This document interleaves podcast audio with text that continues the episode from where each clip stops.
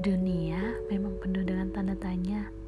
Beberapa menit yang lalu kau mampu tersenyum manis, dan beberapa menit kemudian ada hal yang membuatmu menangis. Kehidupan ini bukan tentang seberapa kuat kau tersakiti, namun tentang seberapa cepat kau bangkit kembali.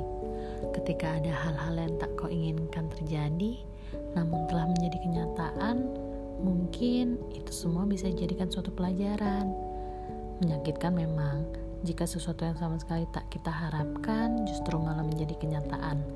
Ikhlas dan sabar adalah kunci dalam menjalani kehidupan.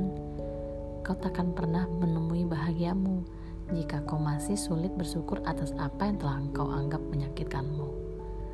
Yakinlah, di balik sakit dan sedihmu, Allah telah menyiapkan sesuatu yang telah lama kau mau.